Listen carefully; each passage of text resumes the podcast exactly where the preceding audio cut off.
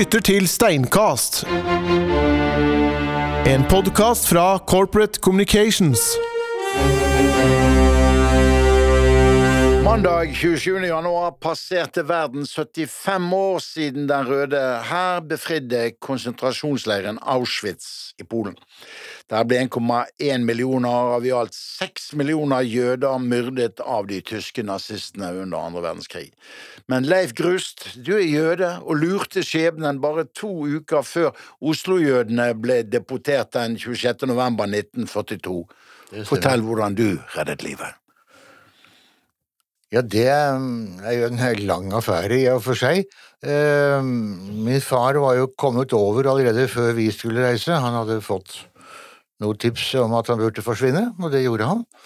Eh, og da vet jeg jo ikke annet enn at eh, mor må ha satt i gang forberedelsene på at resten av oss, det var min lille søster og jeg, også skulle komme over til Sverige. Vi ble hentet faktisk av en drosje på ettermiddagen den eh, nettopp 12. november og kjørt gjennom Kongsvinger. Det var litt dramatikk i den forbindelse, fordi at eh, for det første så var det jo mørkt. Det var mørkeleggende over det hele, og sjåføren kan ha vært litt usikker på turen. Vi, skulle, vi, hadde fått beskjed om at hvis vi ble stoppet, skulle vi besøke min far på Kongsvinger sykehus. Derfor hadde vi litt bagasje med. Eh, men han var ikke sikker på hvor Kongsvinger sykehus var, så han skulle, så han skulle kjøre forbi.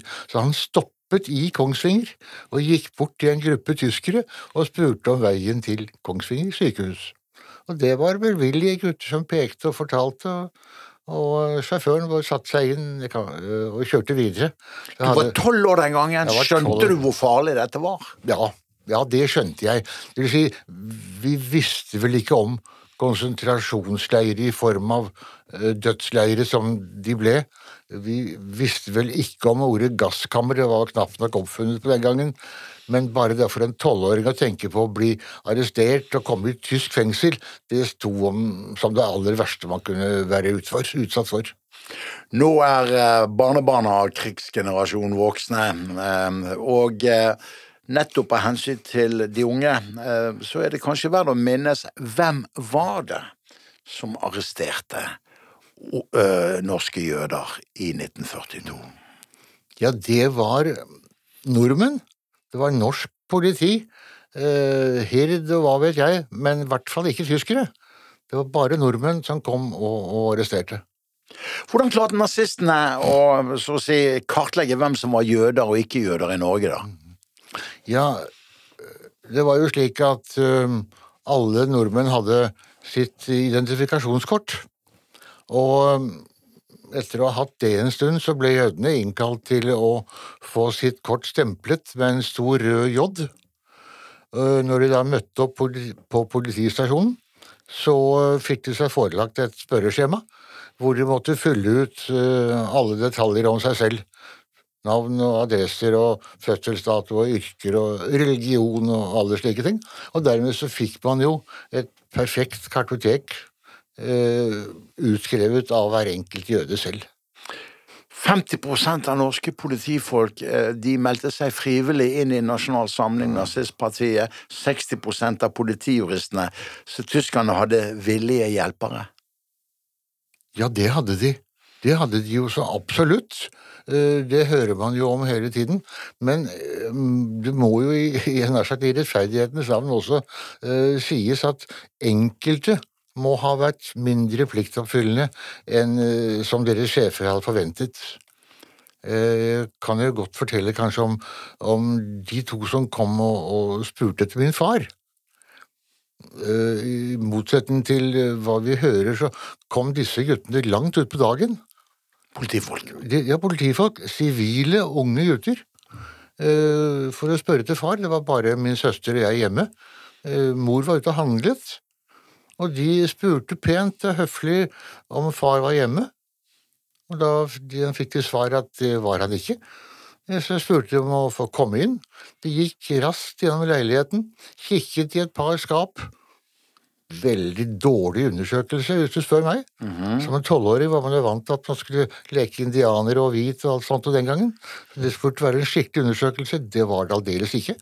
Så de gikk igjen og sa ikke noe mer.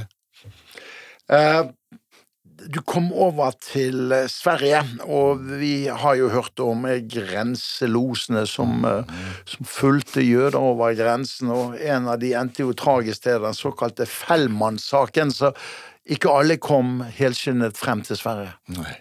Nei, det, det er nok helt sikkert. Denne Feldman-saken kjenner jeg ikke så veldig godt, men det endte jo meget ulykkelig for de to, herr og fru Feldman, eh, som ble tatt av dage underveis. Eh, Og det var en kjedelig affære, men ellers så tror jeg de aller fleste av oss eh, står i stor takknemlighetsgjeld til disse, disse grenselosene. Um, Etter 9. april 1940 så klarte svært mange Oslo-jøder å flykte umiddelbart over til Sverige, men så kom de tilbake igjen i september. Hva var grunnen til det? Ja, altså for det første så vil jeg jo kanskje arrestere deg når du bruker ordet flykte. Jeg var selv en av de som kom over til Sverige, og vi satte oss på et tog. eh, Og reiste ned til Syd-Sverige, hvor eh, min mors familie eh, bodde. Min mor var altså svensk. Vi satte oss på et tog, og det var heller ikke helt umiddelbart etter, for det var etter en uke eller to etter at tyskerne kom, satte vi oss på dette toget. Og vi kom tilbake før skolen begynte, i eh, ca. 20. august. Så, så dette med september stemmer nok ikke for oss alle, iallfall. Eh, men grunnen til at vi kom tilbake, ja, det var jo at vi syntes at forholdene hadde roet seg. Det var ingenting å være redd for. Eh, Så alle var vel enige om at eh, hvorfor bli i Sverige når det var like så bra omtrent hjemme? Så både kunnskapen om det som skjedde i Tyskland, var mangelfulle, og eh, de som hørte om jødeforfølgelsene, trodde kanskje ikke helt på dem? Nei, jeg tror eh, det gjelder nok begge delene. Man trodde ikke på det, man ville ikke tro på det heller. Det er klart vi hadde hørt om krystallnatten, det er jeg helt sikker på. Eh, Men man var jo ikke redd for å komme i fengsel. Det, det kom i, eh, til uttrykk eh, flere ganger eh, etterpå. Det, et lite opphold i fengsel, det skal vi alltid tåle. Men man trodde jo ikke på dødsleir og gasskammer. Disse begrepene eksisterte jo ikke på det tidspunktet. Så fra senhøstes 1942 så er du fjortes i Malmö. Eh, kan du huske eh, når du begynte å få høre om de grusomhetene som pågikk eh, i konsentrasjonsleirene? Vernichtungslager. Nei, det, det kan jeg ikke. Det må ha kommet litt etter hvert. Etter hvert som stemningen snudde i Sverige, rundt Stalingrad-tiden. Eh, Man gikk over fra å være veldig tyskvennlig til litt mindre tyskvennlig, og så var det plutselig engelskvennlig. Og avisene skrev mer og mer om det, hva som eh, foregikk i disse leirene. Så, og vi leste jo aviser, eh, også vi gutter. Og syntes det var spennende, uten å forstå bakgrunnen ordentlig. Eh, Du tilbringer altså de siste tre årene av krigen i Sverige, og det er jo vel kjent at toneangivende kretser i Sverige var pronazistiske. Merket dere som bodde der og var jøder noe til det? Jeg som barn merker ingenting. Jeg gikk på skole og fikk bare gode venner her nede, også de som var i gaten. Eh, De voksne kan han støtt på noe, det vet jeg ikke. Det var ikke alt som ble fortalt til oss barn den gangen, så, så jeg tør ikke å si det helt sikkert. For eksempel ble det ikke nevnt at kronprinsesse Sibylla, mor til den nåværende konge, var organisert nazist. Nei, Jeg kan ikke huske at det ble sagt, men det kan det godt tenkes, for Sibylla var jo kjent navn der borte. Du har i mange år vært frivillig på Det jødiske museum eh, her i Oslo og fortalt om holocaust. Eh, Det var jo noen nordmenn eh, med jødisk bakgrunn som, som overlevde Auschwitz. En av dem som har gitt et hjerteskjærende vitnesbyrd, var Kai Feinberg. Fortell litt for de unge, hvordan var seleksjonen, ankomsten til perrongen i Birkenau? Ja, den var, eh, jeg tror jeg kan si mildt sagt, brutal. Der hadde disse menneskene vært på et tog i eh, flere dager. Eh, Kuvogner var det de var transportert i. Uten mat, uten drikke, uten noe toalett. Eh, De må ha vært eh, nedverdiget allerede da, de, da toget tøffer inn på, på stasjonen i, eh, i Auschwitz. Også, Birkenau og Auschwitz Birkenau, 2, ja, ja, nettopp. Så slippes de ut der, og er jo glad for å få litt frisk luft, for det var det altså lenge siden de hadde fått. Så møtes de på perrongen av SS-soldater med hunder. Eh, Og så blir de selektert, vil si de blir delt opp i to grupper. Arbeidsføre menn på den ene siden, kvinner og barn og ikke-arbeidsføre menn på den andre siden. Og denne siste gruppen, ikke-arbeidsføre, fikk da lov å komme opp i lastebiler for å bli kjørt bort, og eh, disse mennene som da var utslitt, selvfølgelig, etter denne reisen, var jo misunnelige på kvinner og barn som fikk lov å bli kjørt inn til eh, de leirene hvor de skulle være, trodde man. Det var bare det at disse lastebilene kjørte rett inn til gasskamrene, og man så aldri disse menneskene igjen. Kai Feinberg fortalte meg at hans egen søster hadde stått oppe i en slik lastebil og vinket munter til ham med sin norske nisselue. Ja, det tror jeg. Um, den ungarske filmen Sauls sønn, den eh, fikk Gullpalmen i Kang for fem år siden og handlet om jødene som ble tvunget til å rydde opp i gasskamrene. Orket du å se den? Jeg har ikke sett den. Jeg kan ikke huske den. Eh, Jeg skjønner at det er et tap, for jeg ville helt sikkert ha, ha gått og sett den filmen. Fordi du har eh, helt sikkert sett den store israelske TV-dokumentaren Shoah, som omhandlet denne uhyggelige skjebnen til jødiske som ble tvunget til å arbeide for kapoene. Ja, ja, ja. ja da. Det, Det, den Der er jo skildringer av desperasjonen på innsiden av gasskamrene. Ja, ja, det er det jo selvfølgelig. Jeg har sett den, den Shoa-filmen, og ja, man blir nesten, Det er synd og flaut å si det, man blir nesten litt avstumpet. Det har vært fle- mange filmer, det har vært massevis av bøker, og man vet nesten hva som skal skje. Ingenting sjokkerer lenger. Selv om man sitter med klump i halsen og kanskje en tåre eller to i øynene. Akkurat når det skjer, så er man ikke sjokkert lenger. Den ungarsk-jødiske forfatteren Imre Kertes han fikk nobelprisen i 2003 for sin skildring fra Auschwitz, så man holder jo minnene ved like. Ja, det er bra. Det syns jeg er veldig bra.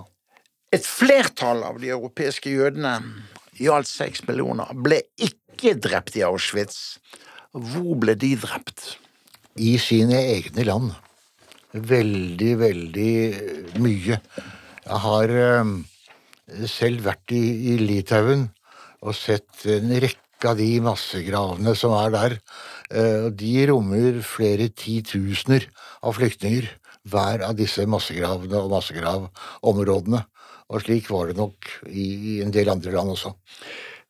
I 1943 tryglet World Jewish Congress US Air Force om å bombe jernbanelinjene frem til Auschwitz, men fikk beskjed om at det ikke var et strategisk mål, med det resultat at Adolf Eichmann uten problemer kunne deportere en halv million eh, ungarske jøder til Auschwitz mellom april og oktober 1944. Det var, det var den største gruppen som ble drept i Auschwitz. Det er eh, bittert. Ja, selvfølgelig. Ville slike deportasjoner vært mulig uten at sivilbefolkningen hjalp tyskerne? Det er, det litt vanskelig å svare på. Eh, man hadde jo voldsom respekt for tyskerne. Eh, Og frykt, selvfølgelig. Ja, og frykt, ja. Ja, frykt. Eh, og for deres medløpere, som det jo var altfor mange av i alle land. Eh, men det er klart at noen flere ville sikkert ha blitt reddet hvis man eh, hadde fått vite litt mer, var- litt mer forberedt på det og innstilt på det. Men jeg tror ikke man kunne hindret at den store katastrofen ville skje. Abonner på Steinkast i iTunes, eller les mer på corporatecommunications.no. Den eh, verdensberømte nazijegeren Simon Wiesenthal fortalte meg her i Oslo i 1986, det begynner å bli lenge siden, at hvis du startet i Amsterdam med Anne Frank hennes dagbok, og beveger deg østover, så ble gjerdene som skulle hindre innsyn mot utryddelsen, eller hindre innsyn i utryddelsen av jødene, stadig lavere jo lenger øst du kom, helt til du kom til Kiev, da var det ikke nødvendig med gjerder. Det sier jo noe om antisemittismen i lokalbefolkningene. Den har vært overveldende. Eh, Jeg har hørt om en historie hvor tyskerne eh, samlet inn en eh, rekke jøder i en, i en liten by i Litauen, har dette vært. Og så ved en feiltagelse ble de sluppet løs igjen. Men da var litauerne på plass og fikk samlet alle jødene tilbake til leiren. Og eh, eh, i juli, før angrepet på Sovjetunionen i 1941, så myrdet polakkene 5000 jøder i den polske byen Jedwabne eh, under beskyttelse av tyske våpen. Først i 2004 sa Polens president unnskyld for ugjerningen. Så det med medløperiet er vi ikke helt ferdig med. Nei da. Det er nok riktig at man eh, fikk lavere gjerder hvor lenger østover man kom. I Ukraina og Hviterussland der det skulle ikke mye til før du møtte på en eh, antisemitt. Eh, Det er kommet en bok på nå som heter De velvillige. Og der skildres massakren på 55 000 Kiev-jøder i Babiar over tre dager i 1941.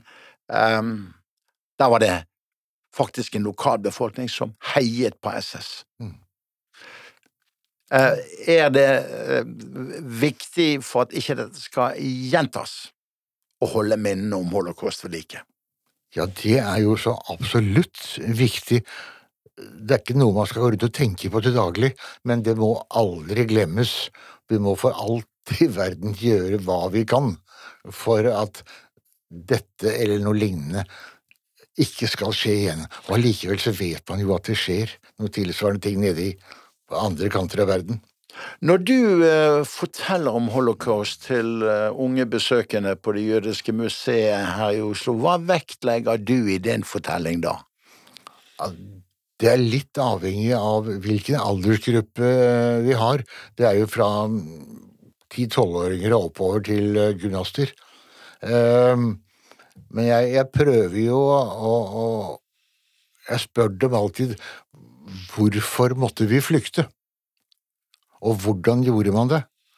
Og i dette hvorfor eh, legger jeg av og til, der det måtte passe inn et spørsmål, det å være jøde, det å være annerledes, er det nok til at man skal deporteres for å drepes?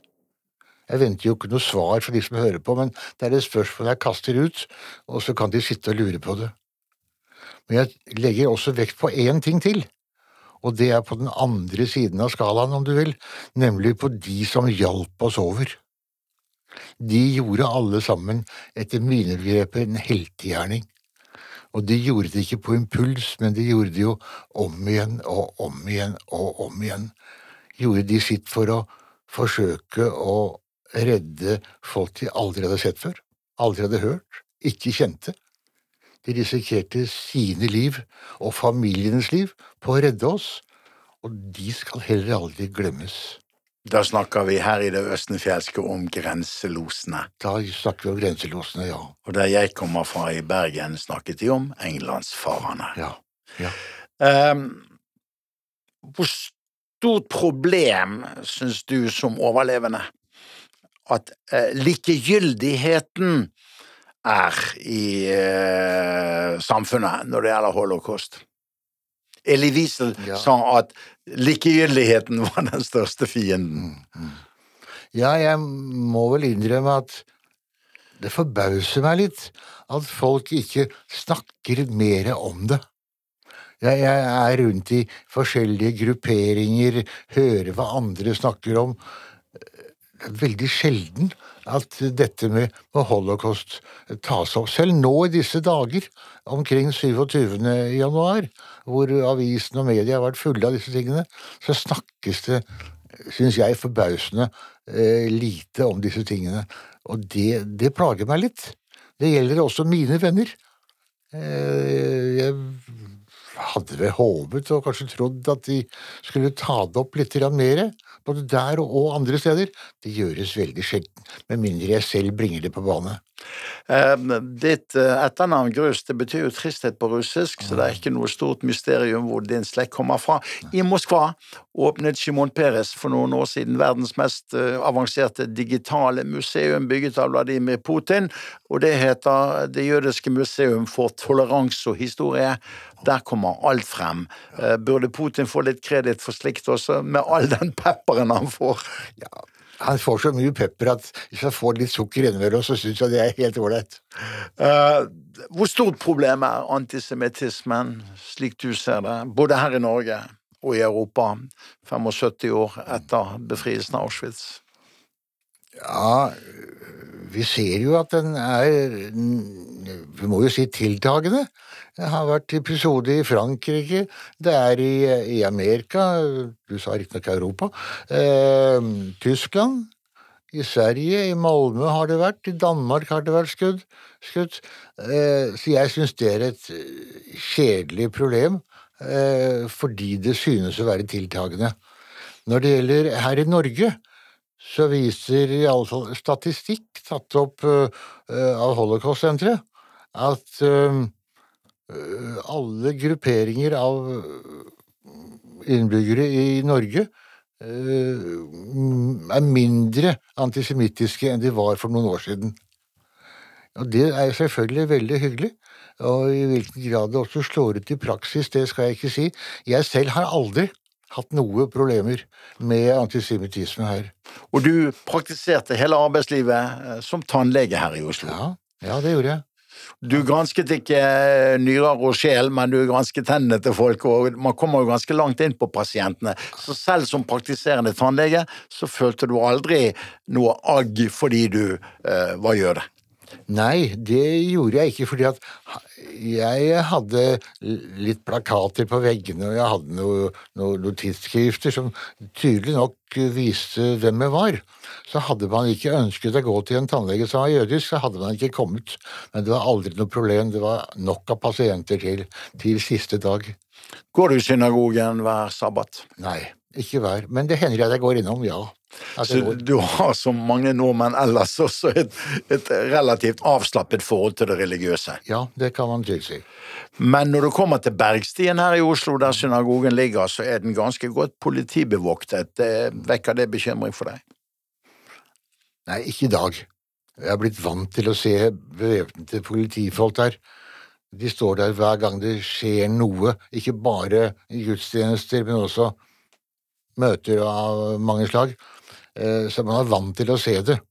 Men det er klart at det, det vekker litt uh, frustrasjon, kanskje, å vite at utenfor synagogen, der skal det stå bevæpnet vakt.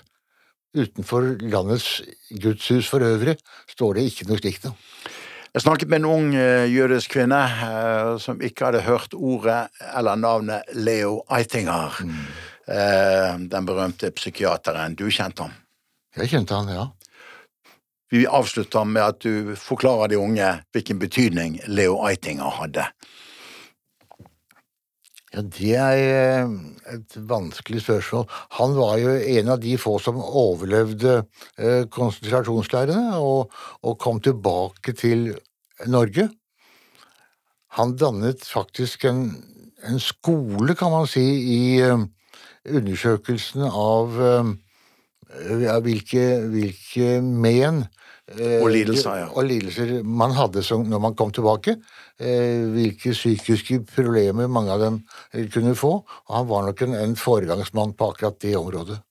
Konsentrasjonsleirsyndromet var det vel Leo Eitinger som hadde verdenspatent på. Det var det. Jeg fant ikke det ordet, men det er helt riktig. Og det var senskadene for torturofrene. Ja, akkurat.